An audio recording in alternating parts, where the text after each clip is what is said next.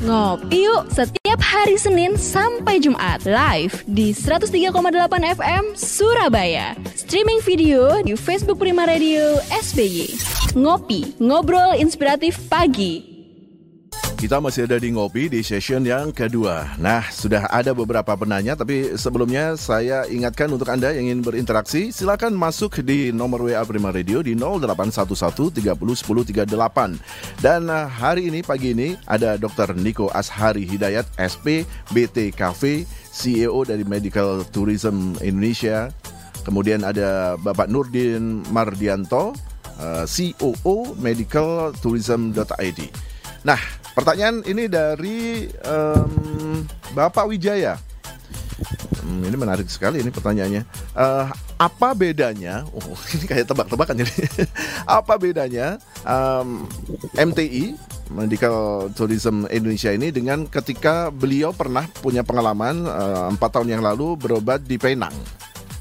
Uh, kelengkapan, kemudian uh, bagaimana handle sebuah uh, keluarga yang akan berobat dan keluarga yang men menemani atau me diajak serta. Mungkin Pak Nudin bisa terangkan. Oke, baik. Terima kasih Pak Wijaya ya untuk uh, pertanyaannya. Jadi gini, uh, medical tourism nanti kita meluncurkan uh, aplikasi dalam bentuk apps, ya kan? Uh, di mana misalnya Bapak Wijaya dan keluarga mau berobat di Surabaya bisa melalui apps tersebut. Nah di apps tersebut nanti akan ada pilihan uh, rumah sakit, kemudian uh, yang man, rumah sakit mana mau dituju, kemudian pelayanan apa yang diinginkan di rumah sakit tersebut, bisa mau medical check up atau periksa apa atau periksa apa. Kemudian di situ juga ada uh, pilihan laman hotelnya, mau hotel di mana, misalnya yang mau nearby dekat rumah sakit itu hotel mana, itu juga bisa hmm. diklik nanti di sana. Hmm.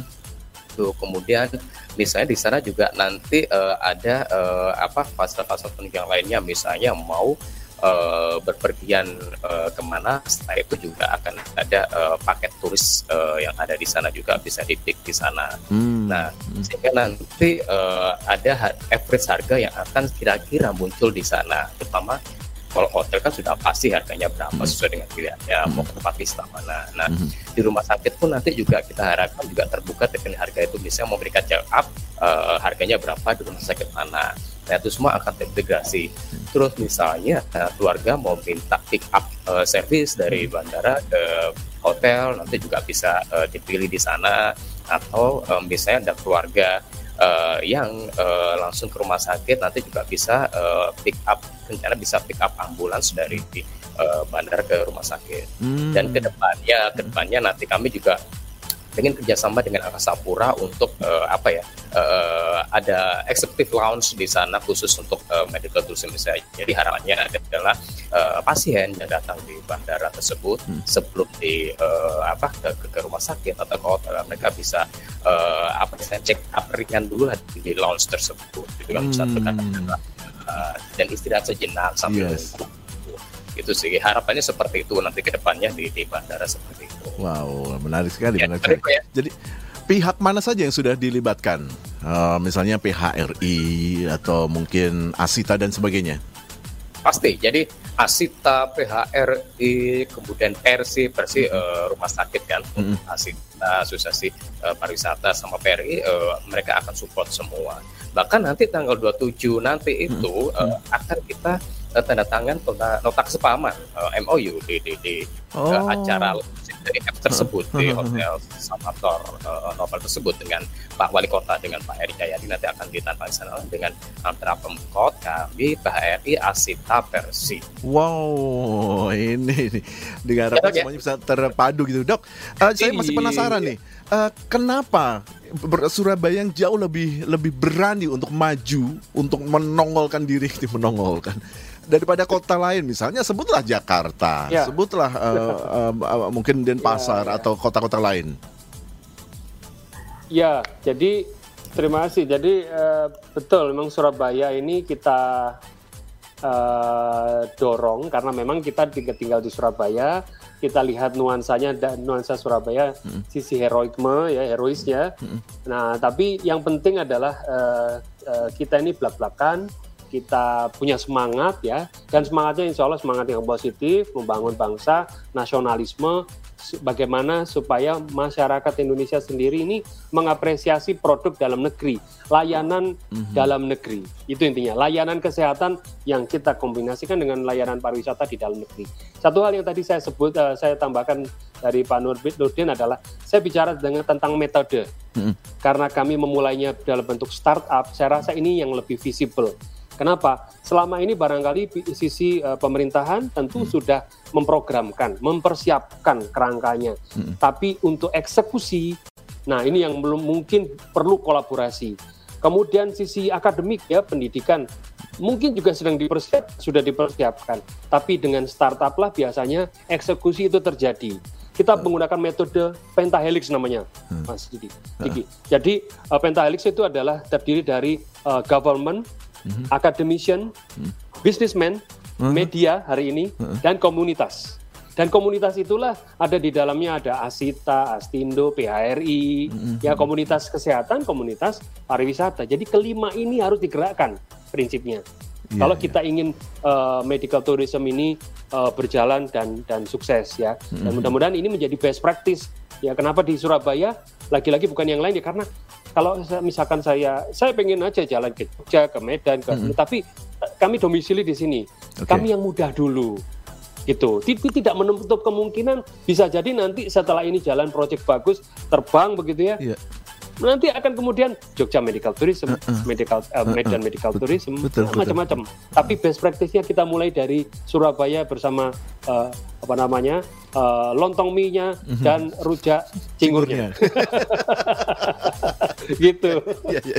Menarik, menarik. Ini ada pertanyaan lagi dok, uh, Pak Nurdin juga. Uh, apakah ini menyangkut uh, beberapa treatment atau pengobatan yang ilegal di tempat lain tetapi ilegal di Indonesia. Saya kurang paham ini maksudnya. Mungkin mungkin mungkin mungkin mungkin ini dari maaf dari Bapak Singgi. Uh, misalnya di negara lain itu uh, operasi wajah tidak boleh ilegal. Tapi karena di Indonesia atau dalam hal ini di Surabaya di uh, MTI itu membuka kesempatan uh, melakukan operasi wajah, maka apakah uh, itu bisa dilakukan atau sebaliknya? Maaf saya kurang paham dengan pertanyaan ini tapi mungkin uh, dokter uh, ya, ya, ya. Saya saya menangkap sih pertanyaannya. Hmm. Jadi begini, um, intinya di masing-masing negara itu hmm. memiliki kebijakan peraturan yang berbeda-beda. Hmm sama uh, seperti misalnya kalau ya mohon maaf ya hmm. operasi ganti kelamin misalnya di, hmm. di Indonesia demikian uh, sulitnya karena hmm. memang ada hal-hal yang terkait dengan norma hmm. dan akhirnya bahkan orang uh, orang-orang dari Indonesia masyarakat Indonesia mungkin keluar akhirnya ke ya? Thailand keluar hmm. segala hmm. macam ya. Hmm. Nah kalau di Indonesia sebenarnya kalau operasi wajah kalau itu berupa rekonstruksi perbaikan no problem gitu. Hmm. Uh, nah, uh, dan bahkan di, di di tanah air pun sebenarnya untuk mempercantik diri pun tidak menjadi problem ya. Hmm. Mungkin normanya tidak terlalu seperti yang uh, frontal seperti misalnya di kelamin tadi begitu. Di Korea mungkin lebih, long, lebih longgar lebih longgar lagi ya. Itu. Tapi artinya ada kekhususan, ciri khas-ciri khas di mana layanan tiap negara berbeda tentunya. Oh, Oke, okay.